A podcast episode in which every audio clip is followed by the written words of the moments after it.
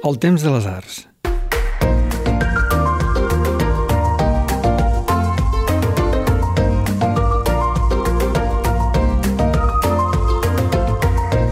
Hola i benvinguts a La Reserva, el podcast de patrimoni del Temps de les Arts.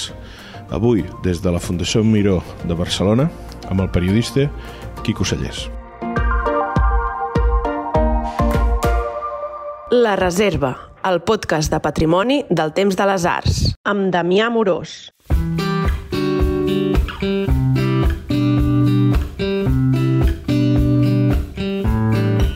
Els dèiem a l'entradeta que som a la Fundació Miró amb en Quico Sallés. Quico, gràcies per acceptar aquesta passejada que farem per la Fundació Miró de Barcelona. No, no, agraït jo, escolta'm, super afalagat i una mica aclaparat, eh? Això sí. Crec que això és bo, no?, que estiguis aclaparat. No sé si tu tens alguna relació amb, amb, amb el pintor Miró, aquests paisatges que se'ns presenten a, a primeres sales de la col·lecció, no? aquests blaus, aquests més grocs, aquests marrons. Després parlarem si tens relació amb l'edifici, que em penso que sí, però no sé si amb Miró hi ha aquella idea de, ostres, l'artista, un dels nostres... No sé quina idea tens sobre el pintor. Com a idea, és un pintor que, sobretot, el que a mi em va frapar va ser la primera vegada que vaig veure els quadres de la Masia. O sigui, el, el, el, la, la, la, El Mas Miró? Exactament. I vaig poder... Allà pots copsar el per què després un pintor evoluciona i pot aprendre a dibuixar i fer, i fer aquest art contemporani extraordinàriament que és excels, vaja, i que ha traspassat fronteres. Però més enllà veus que hi ha una base pictòrica, una base professional, una base artística profunda i, i amb molt fonament. Hi ha uns elements que crec que són molt interessants i ara han estret un, que és l'aprendre. Miro fa aquest procés no, d'aprenentatge. Ostres, aquí Cosellers d'on li ve això del periodisme? Perquè aprendre a fer periodisme crec que és extremadament difícil, però un dels periodistes més importants del nostre país el tinc al davant del micro. Oh, això és important més del país, et dic, eh? Ja no passa. Això sí que és aclaparador. Que va, que va, que va, al contrari. No, periodisme en re- és fàcil, en, en el sentit que, que el periodisme bàsicament és anar als llocs.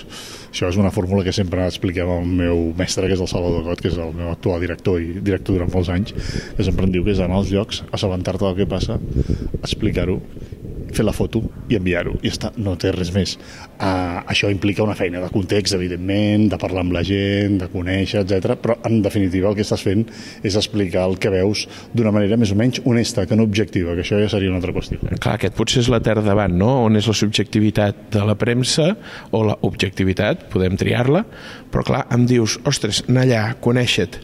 Potser un dels pecats del periodisme actual és que es pensa que es pot fer des de el cap i casal i una cosa que fa Quico Sallés és que el podem trobar de vegades al Fajarín eh, al mig del no-res però també a Madrid també si fa falta a la Junquera i jo t'he vist en molts llocs me'n recordo la primera vegada que et vaig conèixer va ser aquella nit al Museu de Lleida que estàvem esperant que traguessin les peces de Sigena clar, co, co, com es fa això de, de conèixer el país, de trepitjar-lo preguntant Bé, és, és la manera que tens de conèixer el país, eh? i de fet és una mica el, la droga que té aquesta, aquest ofici.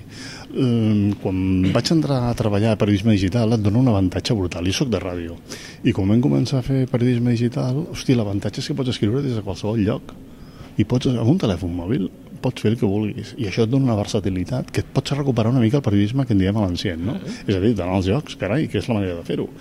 I en un país que te'l travesses des de Capdella a Tortosa en dues hores i mitja mm, és absurd no anar als llocs exacte, i tens aquesta oportunitat tens mobilitat, eh, escolta'm doncs fem-ho. I la veritat és que eh, el país és un país que és agraït perquè a tot arreu hi ha bars i a tot arreu hi ha, hi ha gent disposada a explicar coses i hi ha gent disposada a fer-te confessions i ajudar-te. Escolta'm, a tot arreu. I a més a més de catalans hi ha a tot arreu. Mira, uh, això és una cosa que em passa bastant sovint. Per exemple, eh, em truca la jefa un dissabte a la tarda. Quina vista de Barcelona, eh? És preciós, eh? La, la, la ciutat entre els dos rius és increïble. És increïble. Què deia la jefa? No, la jefa, perdona, eh, que em comentava, em deia un dia, jo què sé, eh, això, això em passa molt sovint, sí. dissabte a la tarda i tal, diu, escolta'm, avui, quan acabis el fax, et faria res a Còrsega? Com?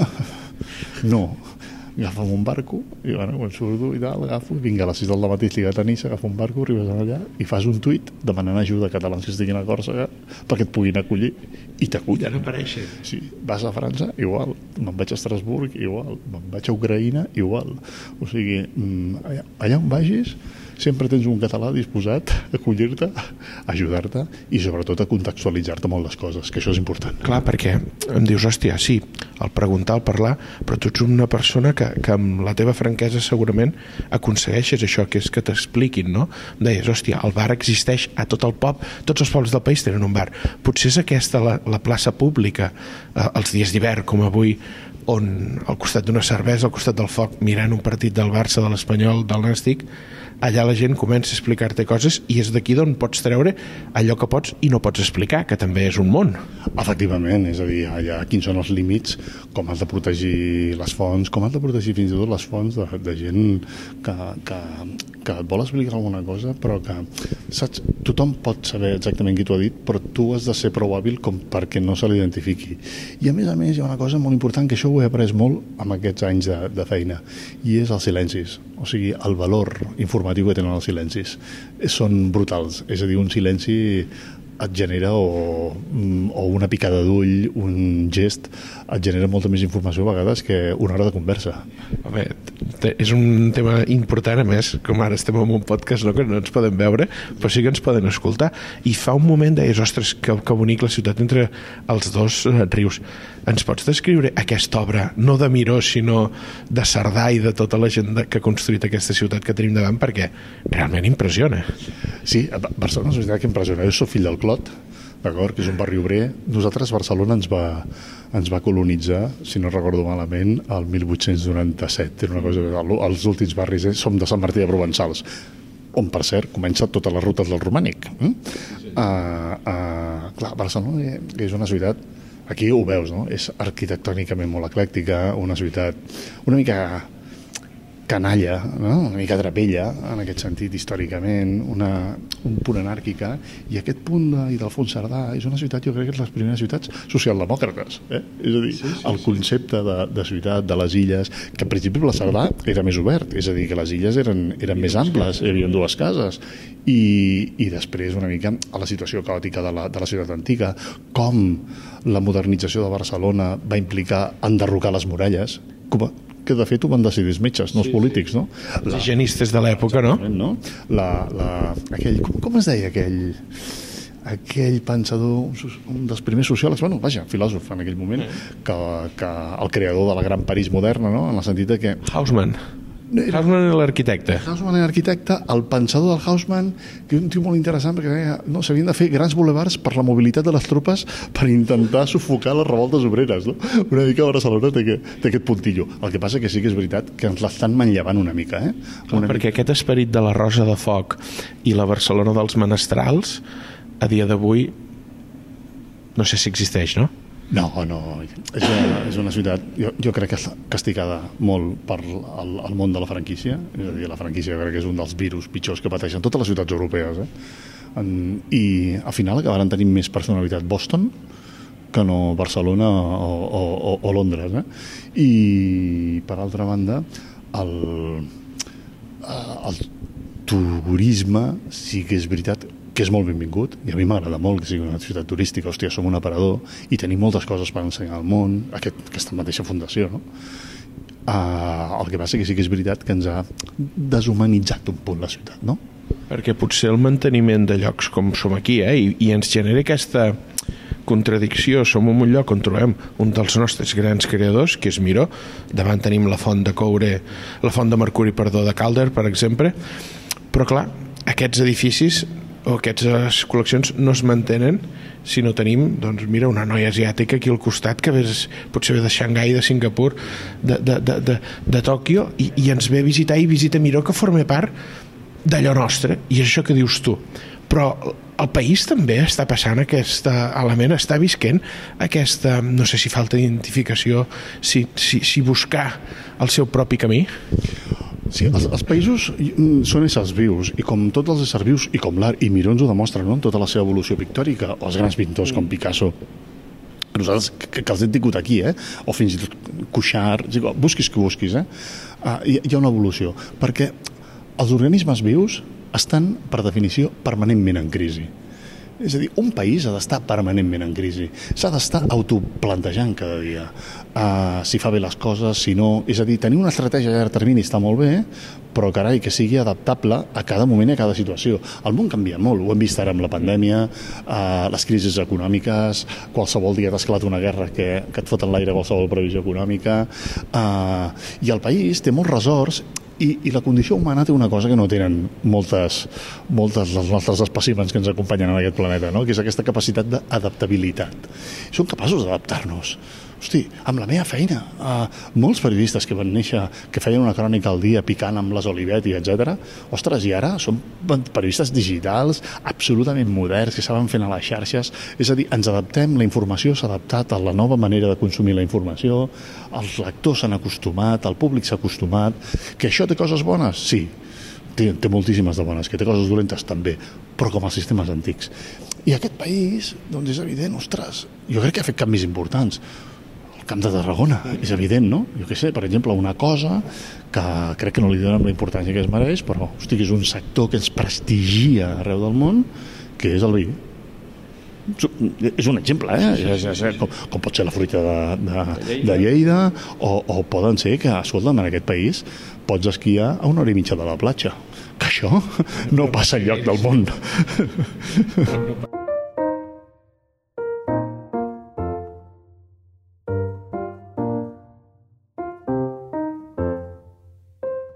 Esteu escoltant La Reserva, amb el Damià Amorós. No marxeu, que de seguida tornem.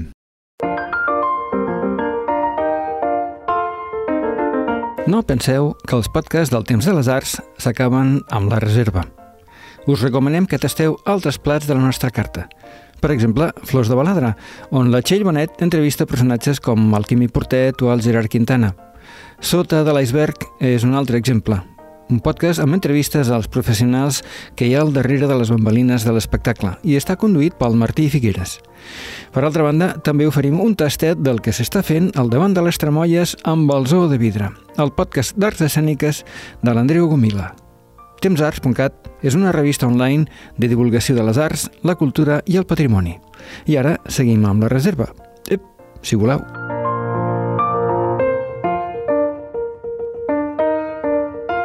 I potser tu tens aquesta visió perquè l'has trepitjat, perquè ho deies, no? de punta a punta de país el puc fer en dues hores, dues hores i mitja, però és que clar, també tenim Quico Sallés que de cop ens apareix que està a Ucraïna. Ostres, com és? No sé si ser reporter de guerra o, o, o, o un català a les portes, no, no a les portes, dins d'un país que està en guerra amb un imperi. Sí, a més a més, aquestes, aquestes coses és allò que, que a vegades et, et treus. Escolta'm, hi havia un moment que l'actualitat era a Ucraïna. Nosaltres som un diari que tenim un objecte que és, sobretot, el primer objectiu és que ens ho hem de passar bé. Aquest és el, el gran... Cobrem poc, però ens ho passem molt bé. I això és, és t'asseguro que és el millor que pot passar, perquè som... Uh, uh, tothom, tothom fa el que volem fer. És a dir, que ja ens pot trucar qui sigui, que nosaltres anem a la nostra i per tant vam dir, home, a Ucraïna, clar, nosaltres no som un gran mitjà com TV3 o els grans grups de comunicació privats a Catalunya, concertats, per cert, sí, sí. A, a, a, que diuen, oh, és que podem enviar ja un tio i d'allò i després el venem aquí. Tres mesos allà, no? Exacte, en un hotel, jo no entenc què collons van a fer en un hotel, però bueno, i tal. I no sé què, protegits, evidentment, per una assegurança. Nosaltres, clar, som un mitjà que som els que som... Escolta'm, qui puja allà? No, jo tinc uns amics, al meu poble hi ha 400 uh, ucraïnesos, vaig, parlo amb ells, i tal, hosti, pugen nosaltres. Ah, t'apuntes amb una furgoneta i te'n vas amb ells. I tal, i, uh, o sigui, i això, els, els costos ja et baixen a zero, per entendre'ns, sí, sí, sí. eh? Perquè estan tan contents que fins i tot et conviden, et, et paguen el dinar. Vull dir que això són, són, són ja, ja et diré, eh? I, i això també fa, té un altre avantatge, que és que vius molt al país i vius on estàs. Jo a Madrid tinc una habitació llogada amb un pis on hi vivim vuit. Mm, I això t'ajuda molt a conèixer l'entorn i a que et dona molta avantatge competitiva. No has d'estar tres mesos sabent quin és el teu entorn perquè des del minut zero estàs convivint amb ell, no? I crec que es veurà ara un altre meló que és Quico Cellers a Madrid. Allò que és com aquell llibre famós d'en de, Vázquez Montalbán, no? que era un polaco a la corte del rei Juan Carlos, tu seria un polaco a la corte del rei Felipe VI, que també té pebrots la cosa, però, ostres, com és això d'aquest periodisme Ara, a, a, jo sempre havia sentit no, la canallesca al Camp de Tarragona aquí, però a, a la Villa i Corte és a dir, moure's per aquells passadissos que si aquí tenim un tàpies allà hi ha una pintura del segle XVIII o un tapís es, es nota la diferència d'aquest moviment d'aquest saber anar cap aquí, cap allà del de nostre Capí Casal a la Villa i Corte? Sí, jo crec que són dos mons absolutament diferents, eh? amb punts de semblança, evidentment, però sobretot periodísticament. Què passa a Madrid? Madrid eh, eh, clar, l'actualitat política tribunal de Catalunya eh, ha anat a parar a Madrid. Tribunal Suprem, Audiència Nacional, eh, conflictes polítics, etc. Per tant, és obligat pas anar-hi. I això que obliga, doncs, mm, que tu has de fer per anar a cobrir tots els judicis, els màxims judicis possibles, etc. I allò coneixes un altre tipus de periodisme, un altre tipus de gent, un altre tipus d'ambient, i és, és, és molt diferent. D'entrada és una capital d'estat. Mm d'entrar al Tribunal Suprem pot posar un govern de la Generalitat a la presó i no passa res. I, I ho ha fet, no? Sí, sí. I ningú discuteix, a més a més. O sembla que ningú discuteixi. I, i a més a més estan encantats de la vida. Uh, clar, això implica mm, canviar molts paràmetres i molts punts de vista i també empatitzar, en certa manera, amb l'entorn nou que, que estàs vivint, perquè és la manera que tu tens també d'obtenir informació. També t'he de dir que treballar a Madrid de periodista és molt fàcil. És molt més fàcil que aquí és curiós. El, clar, el motiu, la, la, el per què? Poder perquè estan més acostumats a una dialèctica de dretes, esquerra i grups mediàtics, etc i que el, el, no sé, potser és un... I després, no sé, potser és l'influència dic que són càbales, eh? potser és l'influència de, de tenir certament aquest poder que, que, que t'estava explicant abans. Però sí que és veritat que a vegades resulta més fàcil parlar amb un ministre que no pas amb un secretari general d'un departament de la Generalitat. Clar, mm, i això potser és pel fet que dius tu, ser una capital d'estat, ser una cor, i a la cor hi ha allò que diuen els mentideros, que és, eh, pels, pels oients que no sàpiguin, és aquell lloc allà on es parlava, no? on es xerrava al darrer, com podríem dir, perquè en aquella època, òbviament, no podries enregistrar. Barcelona, clar, dius que és més complicat. Aquests escenaris els té, és a dir, aquelles recepcions que feia el president Pujol el dia de Sant Jordi on hi havia, no sé si mil o 1.900 invitats l'hem perdut, eh? aquest país, allò que deies de l'evolució, de la constant crisi, aquest fet de creure'ns que som un país o no, de creure'ns les nostres institucions, el trobem amb aquest fet? Ja s'ha perdut, s'ha perdut, evidentment. D'entrada s'ha perdut. Quan jo vaig començar a fer Parlament, érem tres periodistes allà, bàsicament cada dia. Hi havia el de TV3, ah, quatre. Hi havia en, Joan, en Josep Maria Martí Rigau, sí. en Lluís Falgàs de Televisió Espanyola, l'Ignasi Bat de Catalunya Ràdio i jo que estàvem allà cada dia, i en Jaume Paral, que era el director de rac sí. I estàvem allà cada dia i tal, i fèiem les meses i tot, i, i traiem molta informació. A partir d'aquí el Parlament va començar a agafar un protagonisme extraordinari amb el procés, a partir de les eleccions del 2010, d'acord? I això es van animant, animant, animant, i què va passar? Que, que clar, eh, es van haver de posar normes i ens vam trobar l'any 2015-2016 en zones restringides al Parlament, quan això no havia passat mai, tu podies anar als despatxos dels diputats. Després ens van posar més zones restringides a la planta noble, és a dir, ja no es podia treballar de la mateixa manera. En certa manera s'havia espanyolitzat la informació en el benentès, no malinterpreteu, eh?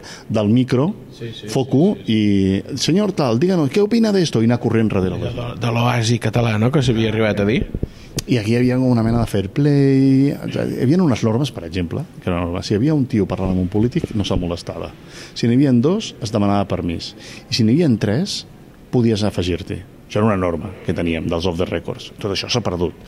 I també és cert que s'ha sectaritzat molt la política eh? és a dir, els DIRCOM, els politòlegs, els especialistes en xarxes, dels partits, uns equips de comunicació brutals i veus grups parlamentaris que tenen més gent al, al, al, al, l'equip de. Més assessors que diputats, no, de vegades? Que diputats, evidentment, i penses, total, si escolta, si comuniqueu fatal, sí. vull dir, o, o, o coses ridícules, eh? Per exemple, parles amb un diputat d'una comissió que tu t'interessa, escolta'm, que m'agradaria fer un cafè amb tu perquè no tinc clar això. Ai, he de demanar permís a la de premsa. Aviam, aviam, aviam. Jo he començat ja, i et dic amb tota la franquesa, eh? dir-los, deixeu estar. Ja no cal. Que, Què vols dir? Home, tu creus que un diputat que guanya 6.000 billos al mes, que estàs aquí votat per la gent, has de demanar permís amb un assalariat del grup, amb tots els respectes per la sèrie, perquè m'entenguis, eh? Per aviam si pots parlar o no amb un periodista, que no ets prou gran.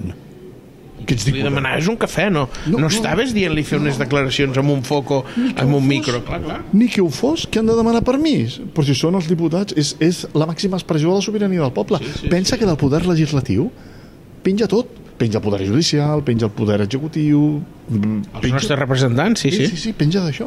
La funció política, el control del govern. I has de demanar permís a la gent de premsa perquè puguis parlar amb un periodista. Però això què és? Aquí... Això no, a Madrid no ho veus. Vull dir, no, no, no, ni a qualsevol. I quan vaig, vaig, vaig anar a visitar el Congrés eh, dels Estats Units sí, sí. o vaig anar a visitar el, a la cambra de, de Londres, eh, o sigui, jo periodista, periodista català i tal, que intentava, els hi preguntava, anava directament als, als diputats, escolta, i, i te tenien amb una naturalitat extraordinària. És una mica la manca de democràcia. I això, insisteixo, s'ha sectaritzat molt i ens hem pensat molt que Catalunya és Borgen o, o la l'oeste de la Casa Blanca. I no, el país és, és molt diferent. S'havia arribat a, a fer un símil i crec que és força interessant, la futbolització de la política.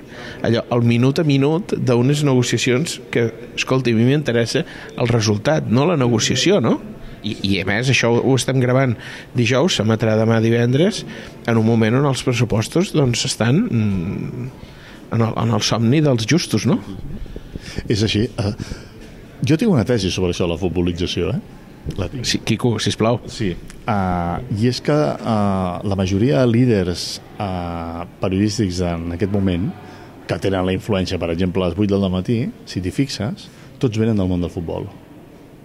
En el seu moment va ser l'Antoni Bassas, Jordi Basté, que van impregnar uh, la informació generalista de la informació esportiva.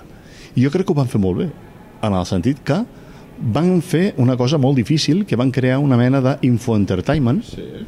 molt, molt agosarat, per al moment, molt valent, molt atrevit eh, i molt innovador. Què passa? Que com tots els sistemes, quan aqu- eh, hi ha gent que agafa, agafa el rebuf aquest, es perverteixen. D'acord? Llavors sí que ja passem a una altra fase, que és la...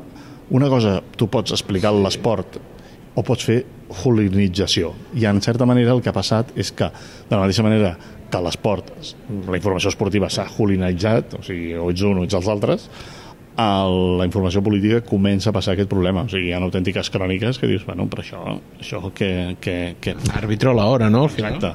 I poc, i poc, poc honestes, no objectives, eh? que això l'objectivitat mm, mm, és com els pintors, eh? cadascú té la seva. Però en el, en el, jo- jo crec que ha passat molt i amb la pandèmia ho vam veure. És a dir, fixa-t'hi que depèn quin metge sortia, semblava que portava la samarreta d'un partit o d'un altre. Que això era com els economistes, doncs. El mateix, exactament el mateix. I, hosti, I això és el que està passant. Per exemple, tu mires, una, tu mires el grasset, no? Arribes a casa tard i tal, i no sé què va. Et fots un xute de grasset. A veure què passa. I te l'estàs mirant mentre et fots l'entrepà de bimbo amb foràs, que és l'únic que trobes a casa, o les restes que t'han deixat al net d'un McNugget, i te l'estàs mirant i, i dius, qui és aquest que parla? Sí. Ah, que no el coneixes, eh? Però només sentir-lo 30 segons, ah, aquest és dels comuns o aquest és d'Esquerra, sí, sí, sí. o aquest és dels compareixents, o aquest és del PP. Perquè és que hi ha... eh, Ja no és aquella, aquella diversitat d'una tertúlia potser de fa uns anys en què no només hi havia politòlegs i periodistes, sinó que s'intentava portar un professional laboral, un professional liberal, amb una formació per donar la seva visió. I aquí el, el, el que trobem és això que dius tu, no? Ostres, ens trobem que ve gent dels partits, que, que potser no tenen carnet però tenen jaqueta. Oh, i tant, i jaqueta amb l'etiqueta i tot ben visible, eh? Però sí que és cert, això és un gran avantatge. Ara passa una cosa que s'ha ha sortit com de l'armari la gran passió que aquest país sempre ha tingut per la crònica negra.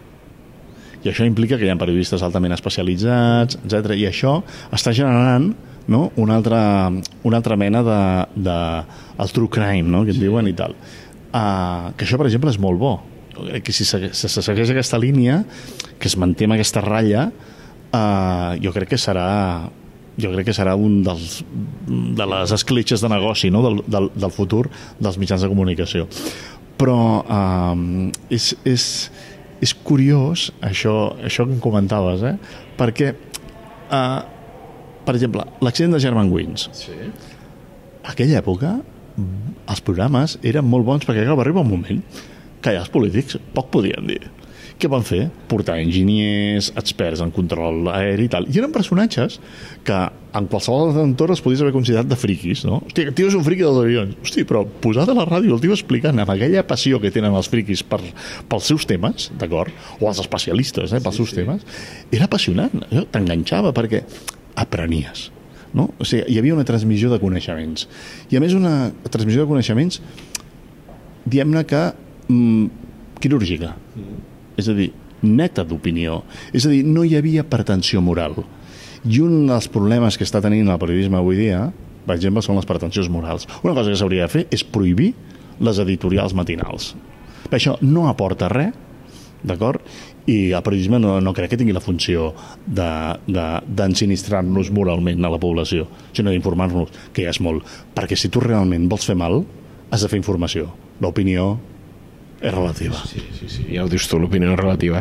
Quico, estem a punt d'acabar i, i amb una conversa que vam tindre prèvia, hem de dir avui als nostres oients que hem, que hem començat la visita sense, sense visita prèvia, hem anat directe i, i jo crec que estic molt content del resultat. Ostres, però amb una conversa prèvia que vam tenir vas dir que tens un vincle amb aquest edifici, no tant amb l'obra de Miró, sinó amb l'edifici de Cert, i jo crec que molta gent el té, potser de passar per davant, de veure que és un edifici blanc en una ciutat que té poc blanc, però, ostres, tu em vas dir que aquí vas viure una, una experiència que encara t'acompanya dia d'avui. I tant, una experiència hipermística. Aquí vaig venir, el meu pare, eh, clar, jo sóc el petit de quatre, i el meu pare tenia un, 100, un 124, un 124, era un destrossa cotxes, eh? Uh, uh, I els diumenges feia, feia, ens feia... Dos diumenges al mes anàvem a museus perquè eren de franc. Sí. O sigui, el Museu de Geologia, el Museu de Zoologia, que feia una pudor. Havia, allà, allà per dalt de Ciutadella, perquè tot eren bitxos dissecats, amb uns polls. Terrible. El museu, de, allà, el Museu de Geologia, que estava allà també al parc de la Ciutadella, més a baix, que hi havia, encara me'n recordo, pepites d'or i tot això. El Museu Etnogràfic, hi havia caps dels sí. jíbaros, que ara estaria prohibidíssim, això. No, no, Vull dir que no. Però, de fet, a la plaça Real havia un tio que em venia. hi havia una botiga a la plaça sí, Real, que havia, havia exposicions de, se, de segells els diumenges i anàvem. I em portava tots els, tots els museus, els havia vist. I aquest em diu, avui et portaré un lloc que t'agradarà molt, i tal. I jo era ben petit, eh?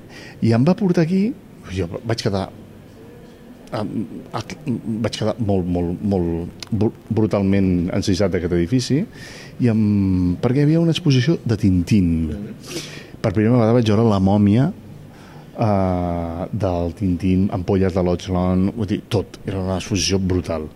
I em vaig quedar, jo vaig passar-me aquí un diumenge, jo el recordo amb, un, amb, un, amb una tendresa, i em va regalar un pòster uh, que només n'hi ha mil del, del Tintín agafant un taxi de Barcelona amb el Capitán Haddock, que imitava el dels el cigars del, Ferró, del sí. Faraó, i i vaja, el, el tinc i aquest m'ha acompanyat a totes les redaccions. De fet, ara està al despatx del COT, que diu el té ja president. Està dipositat, no? Dipositat allà, en, en allò. I el tinc, el tinc un gran record. I a més a més, aquella exposició, vull recordar que va ser molt polèmica, amb articles al País i tot, per part de la intel·lectualitat de l'època, sí uh, dient que, que era això de, de, de fer aquest sacrilegi, no? aquesta mena de portar un còmic a un lloc com la Fundació Miró, que és el paradigma de l'art contemporani, de la innovació, i portes aquí un, un còmic belga que havia tingut connotacions fins i tot de l'extrema dreta, que no sé què i tal. Una cosa, un debat polèmic, i penso,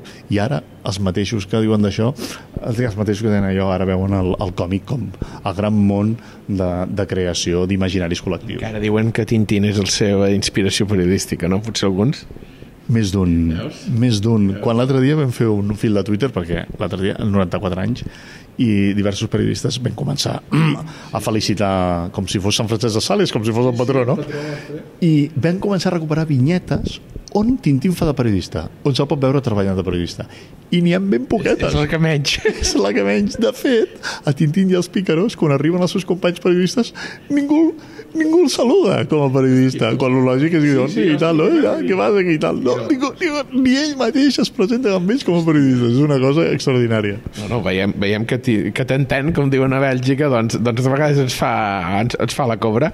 Escolta, Quico, sempre acabem el, el programa amb una, amb una reflexió, no, amb una reflexió, no, amb, una, amb un element de promoció que és on poden trobar la gent. Jo suposo que tot poden trobar allà on hi ha la notícia, i no ho dic en conya, perquè ara d'aquí uns moments acabarem de gravar, d'enregistrar aquest programa i tu ja has de marxar. Abans, per això, fem un cafè superràpid, eh? Així, els nostres oients també també el faran si volen, però, ostres, on et podem trobar? A mi em podeu trobar... Jo el Twitter el tinc obert, l'Instagram el tinc obert, a, el mail està allà posat, vull dir, i moltíssima gent en contacte a través, a través de les xarxes uh, i, i sí, si passa algun pollo procuro ser-hi. I escolteu, i si teniu qualsevol cosa perquè penseu que es pot explicar, escolta, encantat, jo agafo el cotxe i vaig on sí. Doncs Quico, moltíssimes gràcies.